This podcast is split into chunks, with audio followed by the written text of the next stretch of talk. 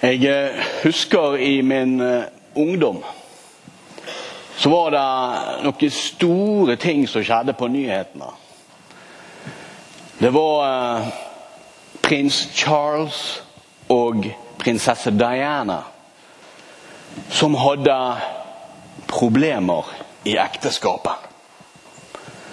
Dette ble slått stort opp. Det var store nyheter med veldig interesse. Hvordan det gikk med de, og hva intriger det var, osv. osv. Jeg tenker at et samlivsbrudd har ingenting med nyhets fun facts å gjøre. Det er rett og slett en tung tid for mennesker. Det er vanskelig, og det er ikke god underholdning. Men på Jesus sin tid så var det òg sånne slags nyheter. Kong Herodes han hadde nemlig klart å kapre broren sin kone. Og han hadde eh, eh, klart altså da å få henne til å skille seg med han og gifte seg med seg sjøl. På denne tiden så Jeg vet ikke om det var aviser, det var det helt sikkert ikke. Men det må ha vært snakket mye om det. Men ingen tørde kanskje å si akkurat hva de mente, i frykt for represalier og sånne ting. Men kong Herodes han ble kritisert av Johannes døperen. Han påpekte at Herodes ikke kunne bli rettmessig konge og ikke kunne kalle seg Messias for israelsfolket fordi at han ikke klarte å holde sin sti ren nok. Dette mislikte kongens nye kone, Herodias, veldig sterkt. Så hun klarte å få han til å kappe hodet av Johannes døperen. Dette er litt av bakteppet på den historien vi kommer inn på nå. Og Det står skrevet i evangeliet etter Markus, og vi reiser oss.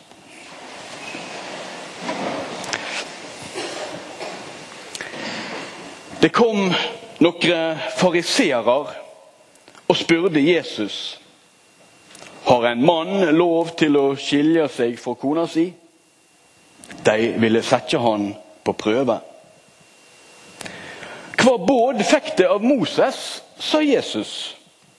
De svarer Moses har gitt mannen lov til å skrive skilsmissebrev og sende henne fra seg. Da sa han til dem fordi hjarta dykkar er så harde, har Moses gitt dykk dette bådet. Men i opphavet, da alt var til, skapte Gud deg som mann og kvinne. Derfor skal mannen forlate far sin og mor si og holde fast ved kona si, og de to skal være én kropp. Så er de ikke lenger to, de er én kropp.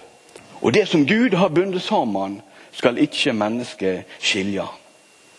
Slik lyder det hellige evangeliet. Vær så god.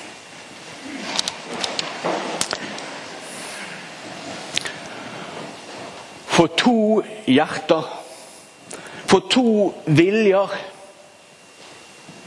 for to meninger, for to liv Og bare smeltes sammen til ett. Ja, det høres kanskje for flott ut til å være sant. Er det mulig? Jeg tror det at vi noen ganger i livet kan være så heldige å få oppleve nettopp det. At vi blir forstått, møtt, sett, trodd, elsket av et annet menneske.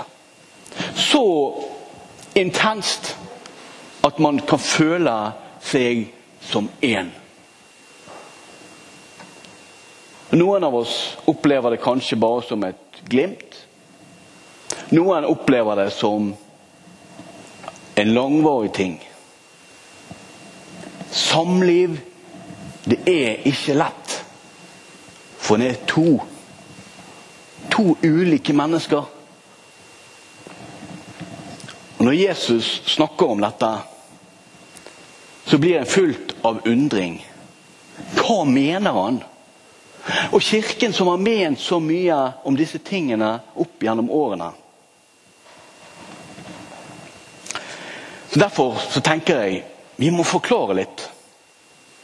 Fordi det er ikke lett å leve sammen med et annet menneske. Å si at noen har mislykkes med livet fordi at en ikke klarer det, det blir feil. En har kanskje mislykkes med den tingen. En har kanskje ikke fått alt til. Men vi må aldri dømme noen for et liv som ikke vi nødvendigvis kjenner. Vi kjenner ikke alltid bakgrunnen for hvorfor samliv går hver til sitt. Men hva er det Jesus spør og svarer på her?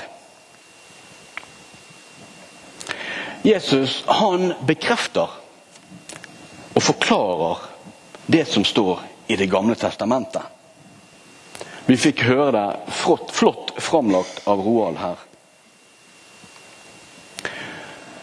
Det som var, det var at menn hadde lov til å sende fra seg konen sin hvis de ikke var helt fornøyd. Og hva, hva vi snakker om her? Snakker vi om brent grøt? Det vet jeg ikke. Men jeg tror blant enkelte så var det sånne krav. Hvis en brant grøten, så var det ut.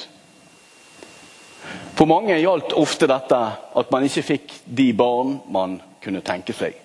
Så var det selvfølgelig konen sin feil.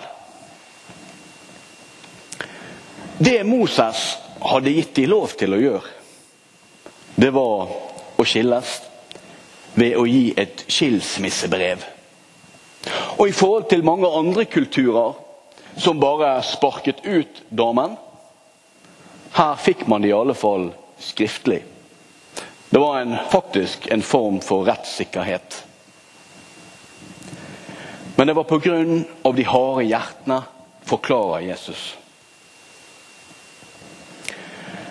Kvinner hadde etter jødisk lov egentlig ikke samme mulighet til å skilles fra mannen sin. Så hvis han ikke spiste opp den svidde grøten, kunne hun ikke sende han vekk.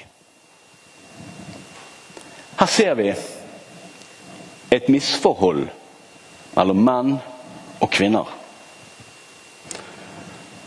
Og det Roald egentlig leste om, det er at vi er av det samme. Vi er faktisk like mye verdt.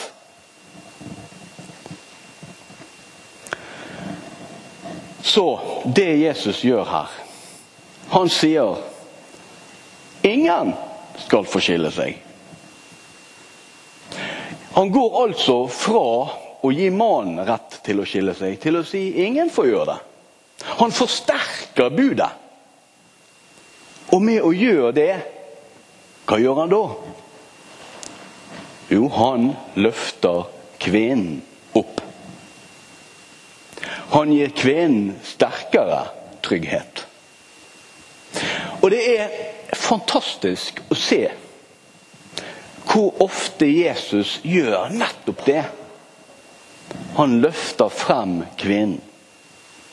For kvinnen er i dette samfunnet undertrykt mennene. Se bare på disse eksemplene det var en kvinne som var grepet i ekteskapsbrudd. Og de førte henne til Jesus og ville steine henne. Hvor er mennene som var inne i bildet? Hvor er mannen som har gjennomført ekteskapsbrudd? Hvor er han hen? Nei, han har vi ikke sett. Kvinnen skulle de ta. Jesus møtte en kvinne ved brønnen. Hun var utstøtt fra sitt samfunn fordi hun hadde hatt flere menn. Hvor er mennene hen? Og det siste eksempelet, som òg er litt spesielt, det er at det er ofte kvinner som kommer til Jesus eller blir ført til han, som har urene ånder inni seg. Hvor er alle mennene med urene ånder? Kvinner var nederst. Til og med en liten gutt hadde større makt enn en voksen kvinne. Jesus han peker på en ny lojalitet. Han sier at mannen skal gå fra far sin og mor si og holde seg til kona si, og de to skal være ett. Her snakker vi om lojalitetsbånd. At mannen hadde sin lojalitet til sin slekt, og hva som var bra for de, og Hvis ikke denne kvinnen som han var gift med, ga han arvinger bra nok, eller hva, så var det å sende henne vekk. Det Jesus sier, er at din lojalitet skal ikke lenger være der du kom fra. Det er skapt en ny enhet. Igjen løfter fram kvinnen. Og han peker tilbake til skapelsen. Hva som Gud egentlig ønsket opprinnelig. Det var at mann og kvinne skulle leve sammen uten frykt. Med tillit, med omsorg og med kjærlighet for hverandre. Hva har så dette med oss å gjøre?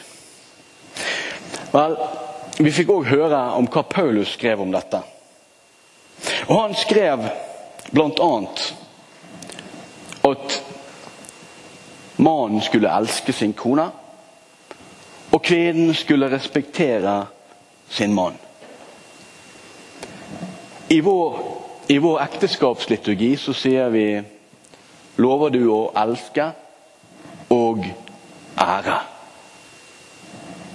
Jeg tenker å ære og respektere er på en måte to av samme greien. Men det er ikke sånn at mannen skal elske, og konen skal respektere. Jeg tenker det gjelder begge. Det er bare en måte å si det på. Og det er der, det er der jeg tror vi ofte sliter i våre samliv.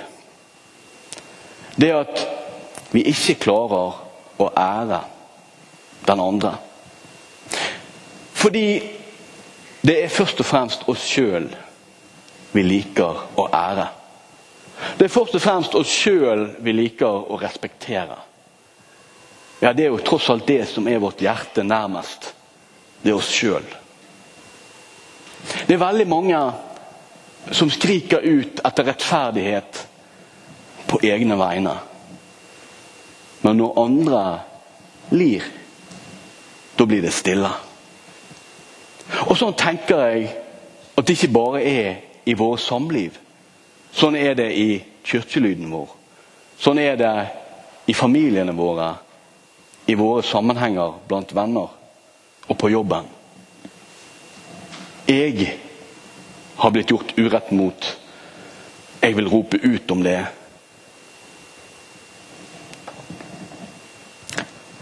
Men når vi ser andre feiler, hvordan reagerer vi da? Jo, da er vi gjerne de første til å komme med steiner og beskylde og peke og se Ha, du klarte ikke det du var satt til å gjøre. Du klarte liksom ikke å elske, du. Det klarer jeg. Vi kjenner ikke alltid andres liv. Og vi vet sjelden egentlig hva som ligger bak. Når noen ikke får til sine samliv. Vi skal aldri steine noen for det. Men vi skal være der for hverandre. Vi skal støtte hverandre. Og Sånn tenker jeg òg om kirkelyden. Er det noen som sliter, så bør det være et nederlag for oss alle. Vi bør ikke komme med stein i våre hender, klar til å dømme. Men vi må ha åpne hender og åpne øyne som ser. Som vil gi og bygge opp. Som vil se den andre. Som vil elske og ære. Og det fantastiske er dere at vi alle feiler. Men så vet vi at vi har én. Han feilte ikke der vi gjør det. Vi har en som klarer å elske oss til tross for alle våre feil og mangler. Han som er kirkens herre. Måtte han òg trenge inn i våre samliv, i våre familier, i våre venneflokker. At han kan lede oss. At han kan vise oss hva ekte kjærlighet er. Og det er den som gir livet sitt for sine venner. Den som ofrer der andre går bort. Han som blir stående igjen og sier 'Jeg dømmer ikke deg. Jeg gir mitt liv for deg, for jeg elsker deg'. Vi skal synge sammen. Har vi sten i våre hender?